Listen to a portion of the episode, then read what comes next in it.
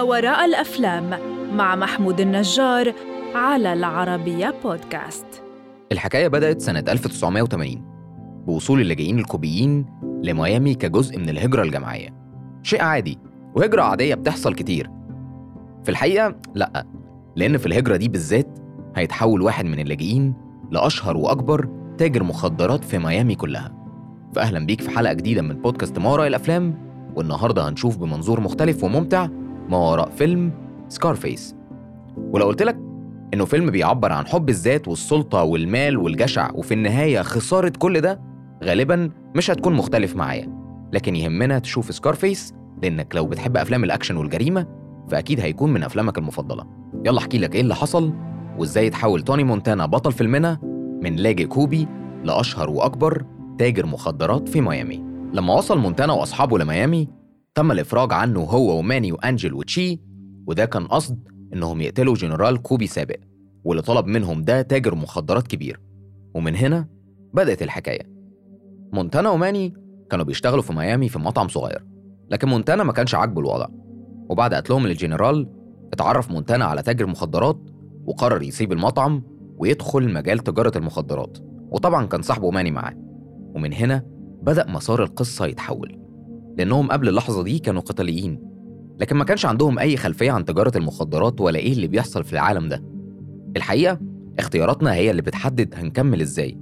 يعني في الوقت اللي كان قدامهم يشتغلوا شغل شريف ويدخلوا دخل بسيط ومقبول خاصة بعد ما كان مستقبلهم اتدمر قرروا إن ده مش مناسب ليهم وإنهم عايزين ربح سريع ويكونوا أغنياء. وبالفعل دخلوا عالم المخدرات. ده كان قرارهم واللي هتعرفه بعد كده كان عامل إزاي. شغل المخدرات مغري جدا.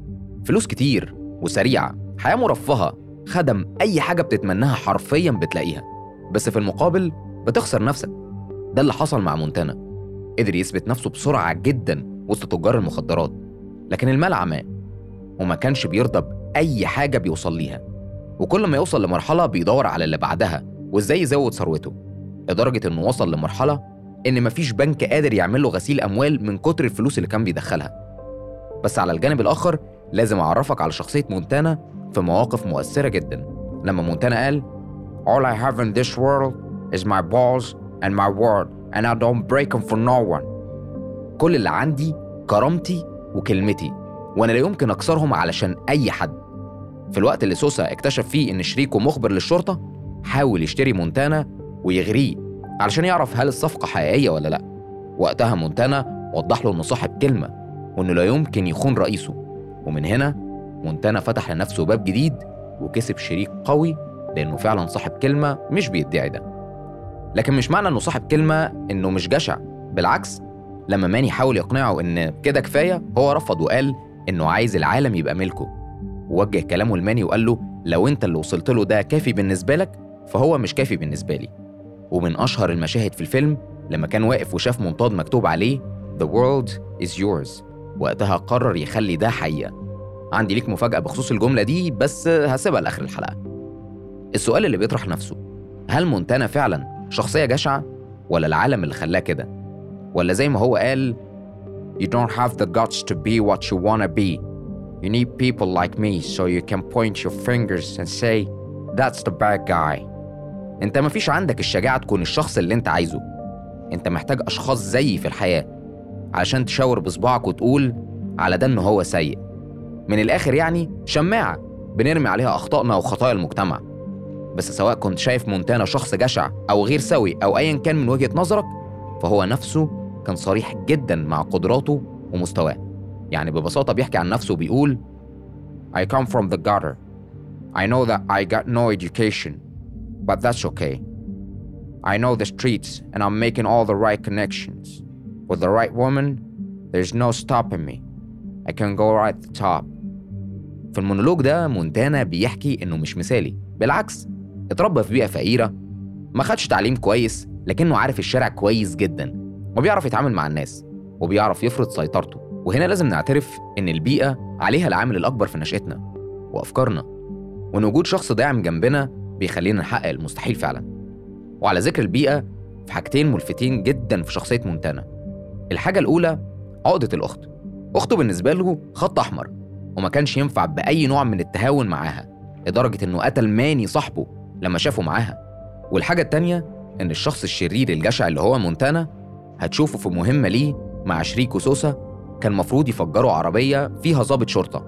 معاه أدلة هتدخلهم كلهم السجن. لكن للأسف ما كانش راكب لوحده العربية كان معاه مراته وولاده. وقتها الكل في المهمة كانوا مقررين يفجروا العربية إلا مونتانا. قتل اللي هيفجر العربية والمهمة فشلت والأدلة كلها طلعت للنور. وقتها مونتانا كان بيقول إزاي هيسمح لنفسه يكون قاتل لواحدة ست وعيالها؟ وهنا هتشوف جانب مختلف من شخصيته. الجانب ده هيجبرك تفتكر مونتانا دايما.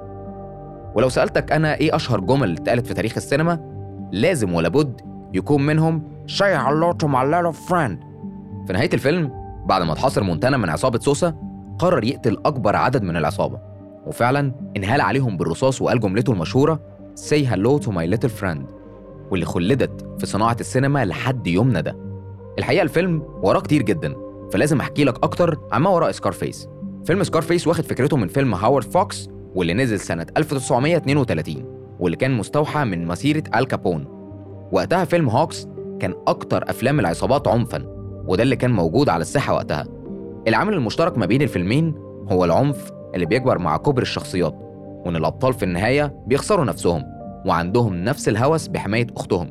لكن فيلم سكارفيس مش إعادة إنتاج لهوكس لكن نقدر نقول إنه متاخد أكتر من الأيقونة السينمائية The Godfather.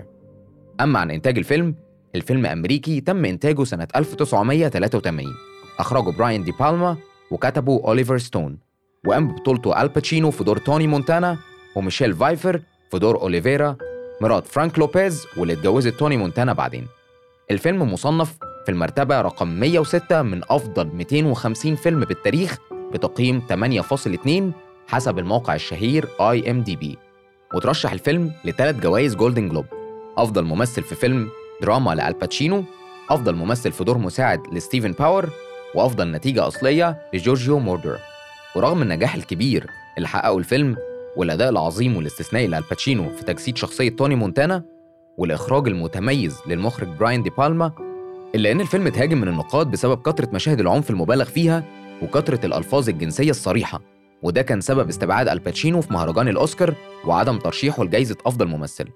وبالرغم من كل ده تم الاعتراف إن فيلم سكارفيس من أفضل وأنجح أفلام المافيا والجريمة على الإطلاق. وشخصية توني مونتانا أصبحت أيقونة الشخصيات الإجرامية في الثقافة الأمريكية وجملة قل مرحبا لصديق الصغير تعتبر من أشهر الجمل التعبيرية على الإطلاق وحصلت على المركز ال 68 في قائمة أفضل 100 جملة تعبيرية في القرن العشرين من المعهد السينمائي الأمريكي. وعلى ذكر الجمل فاكر جملة The world is yours اللي شافها مونتانا في أول الفيلم وتحمس جدا وكان عايز يملك العالم؟ في نهاية الفيلم وقت قتله وقع في المية قدام تمثال مكتوب عليه The world is yours. محدش يقدر ينكر إن مونتانا فعليا ملك العالم ماديا لكنه خسر كل حاجة في النهاية. أنا متحمس تشاركني رأيك عن فيلم سكارفيس ويا ترى عجبك ولا لأ؟ شوف الفيلم دلوقتي لو ما شفتوش وشاركني وجهة نظرك. واستناني الحلقة اللي جاية.